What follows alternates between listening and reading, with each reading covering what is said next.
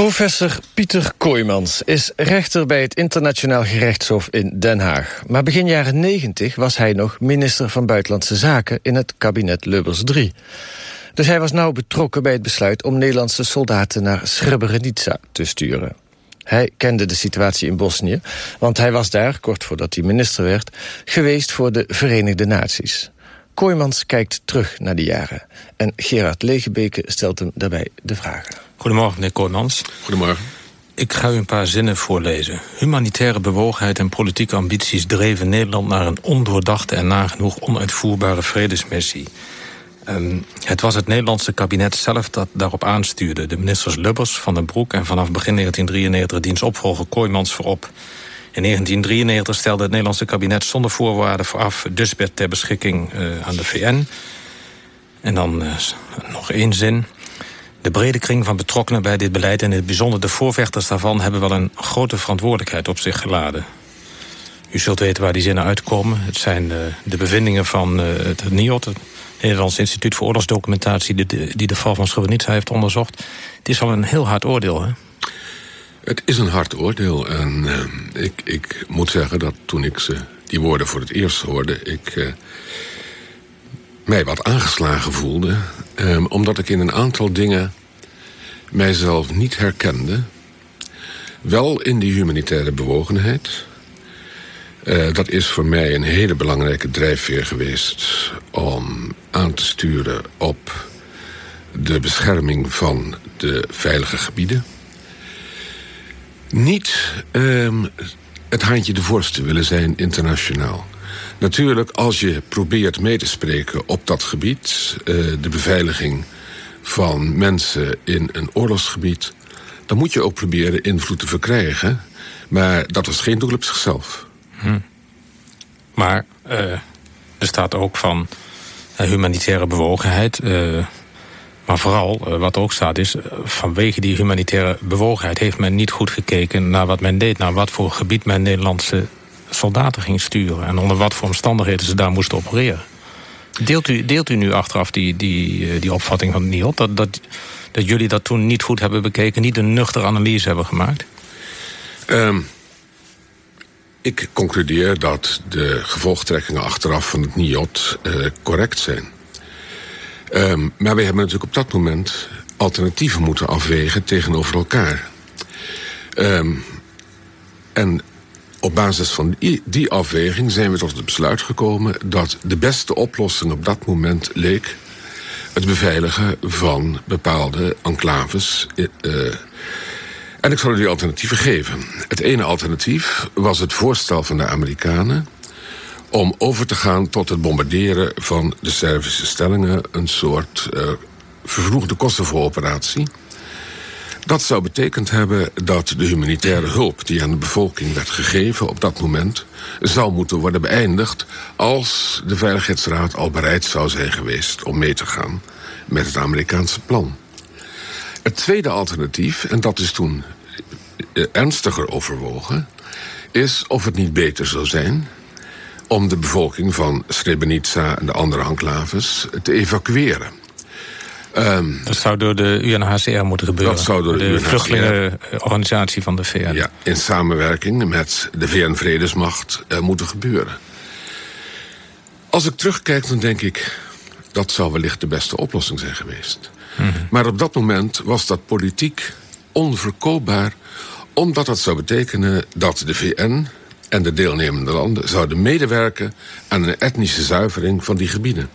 En daarom is die optie toen op, uh, op politieke gronden... die mij op dat moment ook juist voorkwamen, is afgewezen. En uh, dan heb je te maken met een situatie... waarin een bevolking in een gebied zit... en waarin de internationale gemeenschap heeft gezegd... jullie moeten daar blijven... maar we zullen proberen bescherming te geven. En ik ben de eerste die ook toen zou hebben toegegeven dat het een allesbehalve goed plan was. Maar het was het enige wat mogelijk was. Het was het enige wat haalbaar was. Uh, Nederland heeft zich uh, van het begin af aan ingezet voor een veel sterkere inzet van troepen. Die waren niet bij elkaar te krijgen. En dus moesten we het doen met het uh, door iedereen onvoldoende geachte hoeveelheid VN-troepen die we in Joegoslavië hadden. Mm maar, maar, goed, u schetst die alternatieven. Uh, toen is die keuze gemaakt. We gaan toch die beveiligde of die, safe areas uh, proberen te beschermen. Dan sta je voor de beslissing dat je Nederlandse troepen moet gaan uitsturen. Dan ga je toch kijken, neem ik aan, van oké, hoe ziet het er daaruit? Uh, hoe zijn de omstandigheden? Hoe kunnen we zorgen dat ze daar een beetje een goede missie kunnen uitvoeren? En als ik dan lees wat, wat het NIOT concludeert... Dat het een missie is met een onhelder uh, mandaat... naar een gebied omschreven als een safe area... Dat, uh, zonder dat daar duidelijk een definitie van bestond... om vrede te handhaven waar geen vrede was... zonder diepgaande informatie in te winnen bij de Canadese voorgangers... in de enclave, nou zo nog een hele rij. Dan krijg je toch de indruk... de soldaten wel, worden wel naartoe gestuurd... maar dat, wordt niet, hè, dat was een, de laatste mogelijkheid die overbleef, zoals u net schetst... Maar dan is er geen heldere analyse gemaakt van welke middelen heb je nodig en, en hoe moet je het doen. En laten we eens gaan praten met de Canadese troepen die er eerst zaten. Waarom is dat allemaal niet gebeurd dan? We waren natuurlijk niet zo dat we de mensen zomaar op de Bonnefoy daarheen wilden sturen. Al lijkt dat, eh, als, moet ik zeggen, als ik het rapport zo lees, lijkt dat wel het geval. Ja, dat rijtje, dat is toch vrij vernietigend. Ja, wat, wat wij eh, gedaan hebben is... Uh, de heer Lubbers en ik hebben uitvoerig, persoonlijk met de secretaris-generaal van de VN, Boutros Ghali, gesproken. Om te proberen de verzekering te krijgen dat als de moeilijkheden zouden reizen, uh, er uh, luchtsteun zou worden verleend. Nou, ja, maar ik, ik, heb al gelezen dat u zelf die toezegging van Boutros Ghali zelf toen werd af van is dit nou wel zo hard wat hij allemaal En daarom hebben we geprobeerd het nogmaals ja. in een uh, persconferentie van zijn lippen te krijgen. En dat ja. heeft hij toen gezegd. Ja. Um, tweede plaats. Uh, wij hebben ook altijd gedacht op dat moment dat het een zeer tijdelijke oplossing zou zijn, de safe areas. De safe areas waren bedoeld om te duren tot de aanvaarding van, van het Vance-Owen-plan... wat van hand is geweest. Dus dat konden we op dat moment niet helemaal voorzien dat het zou gebeuren. Ja, maar toen, toen Dusbed wegging, hè, in, in, in maart 94 was dat... Uh, uh, toen was het toch wel duidelijk dat die safe areas nog wel een poosje zouden blijven bestaan. Toen was dat Venso een plan. Dat was toch allemaal heel duidelijk wat daar nog, uh, onduidelijk wat daar nog meer zou gebeuren. Toen ze weg werden gestuurd was de situatie toch weer anders. Maar dan dat... zit je in een bepaalde situatie waarin je je toezegging gedaan hebt. En waarin je niet zonder meer kan zeggen van...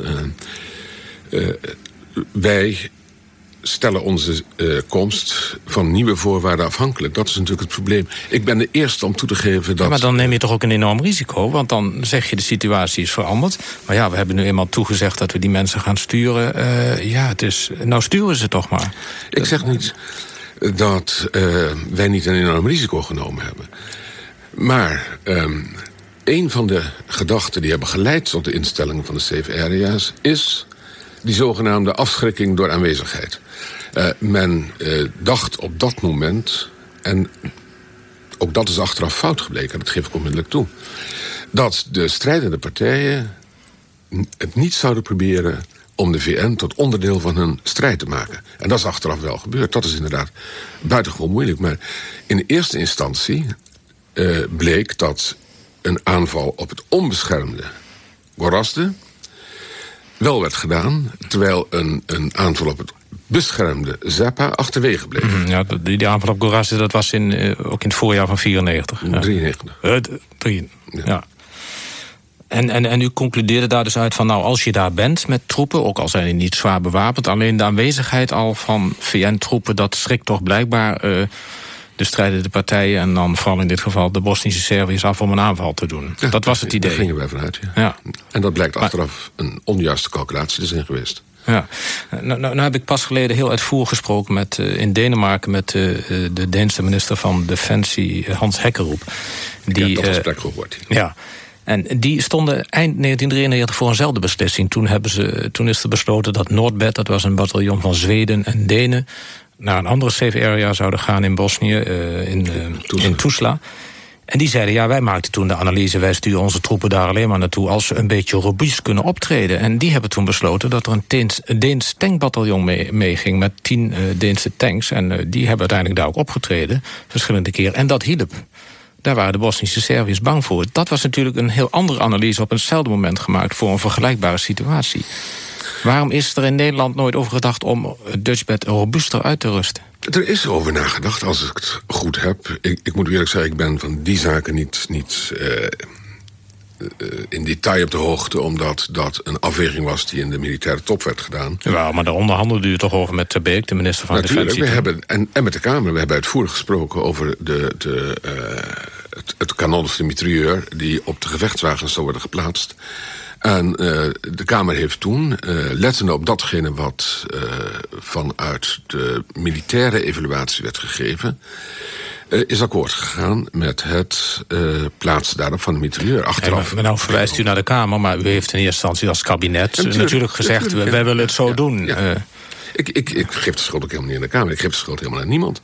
En nee, het gaat ook niet om schuld. Het gaat meer om... Is dat een verkeerde inschatting geweest? Ja, want het is zo geweest dat zelfs zwaardere wapens... van die panzervoertuigen van uh, Dutchbed zijn afgehaald zelfs. Hm. Waardoor ze natuurlijk helemaal vrij machteloos waren... in, in militaire ja. situaties. Een van de redenen daarvoor was dat men niet noodloos wilde provoceren... maar dat ja. bleek achteraf wel nodig. Ja. Maar, maar zo'n Deense minister, of, of de Denen... want dat heeft die minister niet alleen gedaan... die maakte dan een andere analyse op zo'n moment. Kennelijk wel, ja. Maar, maar u als, als minister van Buitenlandse Zaken... u wist dat zo'n zo'n de Denen en de Zweden ook voor zijn uitzending stonden. Had u nou ook contact met hen daarover, van hoe ze dat gingen doen? Uh, dat kan ik me niet herinneren. Ik geloof het niet, nee. Ik geloof niet dat die contacten tussen uh, ministers van Buitenlandse Zaken... over dat soort zaken plaatsvonden. Hmm. Wel over de inzet natuurlijk. Ja. Maar bent u ook nooit gaande, toen, toen er eenmaal zat... en toen was natuurlijk steeds duidelijker hoe moeilijk die situatie daar was. Hè? Dat, dat toch eigenlijk ook de VN-soldaten een soort gijzelaars waren... in die helemaal door Servische troepen omringde enclave. Is er toen nooit overleg geweest in het kabinet om te zeggen van... moeten we toch niet uh, onze mensen daar anders gaan uitrusten... Of, of praten over dat mandaat of het wel zo kan? Nou, vergeet u niet dat in de eerste periode... en uh, het, het kabinet Lubbers is natuurlijk vrij snel afgetreden... nadat ze uh, waren... het er vrij veelbelovend uitzag. Um, het, het, het, liep, en dat kan je ook uit het rapport lezen... in die eerste maanden leek het goed ja. uh, te lopen. En wat daarna gebeurde, is, ja, natuurlijk. Ja. ja, ja, wat... Ja. En nou, nou las ik, of dat werd ook al vermeld in de, in de, in de inleidende tekst... u bent zelf in 91 en 92, u was heel erg actief op het gebied van de mensenrechten... u was de speciale rapporteur van de Verenigde Naties op het gebied van folteringen. In die uwdanigheid heeft u Bosnië verschillende keren bezocht of uh, voormalig Joegoslavië, maar ook Bosnië. Toen was u toch wel heel erg overtuigd van dat, daar, dat het daar vreselijk uit de hand kon lopen... als ik zo achteraf zie wat u toen in de pers gezegd heeft. Maar toen was ik er ook voorstander van. En ik betreur nog steeds dat dat niet gebeurd is. Dat precies zoals een Kosovo de internationale gemeenschap zou hebben ingegrepen. Um, het zien van Vukovar in die periode mm -hmm. zal ik nooit vergeten. Dat staat op je netvlies gebrand. En toen heb ik ook gezegd, ik vind dat in Vukovar een streep in het zand is getrokken... Uh, waar de internationale gemeenschap op moet reageren... Uh, met zwaardere inzet van vredebewarende troepen. Want het is natuurlijk zo dat vredebewarende troepen in een oorlogssituatie... een, een, een, bijna vloeken in de kerk is. Uh, maar dat was op dat moment het enige politiek haalbare. En, en vanuit de, de zorg voor de bevolking die dreigde in hongersnood te, terecht te komen. Die dreigde afgeslacht te worden. Um, want het, het gevaar was reëel. Dat in 1993 de bevolking van uh, Srebrenica op dezelfde manier zou zijn uh, afgeslacht door de Serviërs... als twee jaar later daadwerkelijk is, is geschied. Mm -hmm. um, met die noodsituatie voor ogen... Um, hebben wij een risico genomen. Ik ben de eerste die dat toegeeft. En het risico leek in eerste instantie gerechtvaardigd te zijn... omdat de Serviërs zich uh, aan het draaiboek hielden. En dat is naar de hand volstrekt misgelopen. Maar dat was natuurlijk toch een beetje naïef... als je zag aan wat voor draaiboeken uh, de Serviërs zich in die voorafgaande jaren... zich al mee bezig hadden gehouden. Niet tegenover de Verenigde Naties. De Verenigde Naties hadden ze nooit zelf tot een, tot een doelwit van hun... Uh, hun gewapende acties gemaakt. Natuurlijk wel van hun politieke acties, maar niet van hun gewapende acties. Uh, dat is eigenlijk pas gebeurd in, in het voorjaar van, van 95... toen men begonnen is uh, militairen in gijzeling te nemen... en aan uh, lantaarnpalen te binden en dergelijke. Ja, maar Maar goed, dat is als je alleen naar de Verenigde Naties kijkt. Maar u, ik, ik, las ergens een interview met u... Uh, waarin u zegt van dat u al in 91 of 92 meneer Karadzic uh, de hand heeft geschud... in het kader van een van uw missies in het kader van de mensenrechten.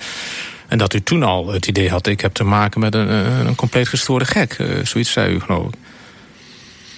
Op dat moment kon ik ook niet... Trouwens, op dat moment wist ik niet dat het Karadzic was.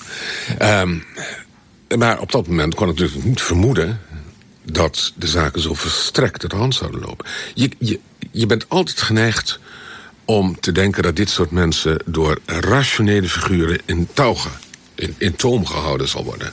Hmm. Um, de, de absolute waanzin heeft gezegevierd in het land. En uh, daar is, uh, zijn de juli-dagen in Srebrenica een afschuwelijk bewijs van. Ja. En heeft u nu, nu achteraf ook, zegt u nou, die, dat wat wij toen dachten... dat je toch met een soort vredesbewarende troepen, peacekeeping uh, forces... dat je daarmee in zo'n situatie kunt opereren... waar het toch eigenlijk gewoon oorlog is. Of gewoon, eigenlijk, het was daar oorlog. Is, eh, zegt u nu achteraf dat is gewoon een fout concept? Dat moet je nooit doen in zo'n situatie? Maar dat, dat is onderkend op dit moment. Men doet het niet meer op, op zodanige manier. Het is misgelopen in Somalië. Het is misgelopen in, in, in uh, Joegoslavië. En daarna heeft men gezegd... Uh, zo'n soort uh, oplossing van humanitair ingrijpen... zonder dat op een echt robuuste wijze te doen... op een, op een Kosovo-manier... is is, is niet effectief. Daar trekt men zich toch op den duur niks van aan. Dat is een les, een hele harde les die we geleerd hebben. En vindt u achteraf gezien dat, als je ziet hoe de situatie er toen uitzag... dat je dat eigenlijk toen in 1993 ook al wel had kunnen zien?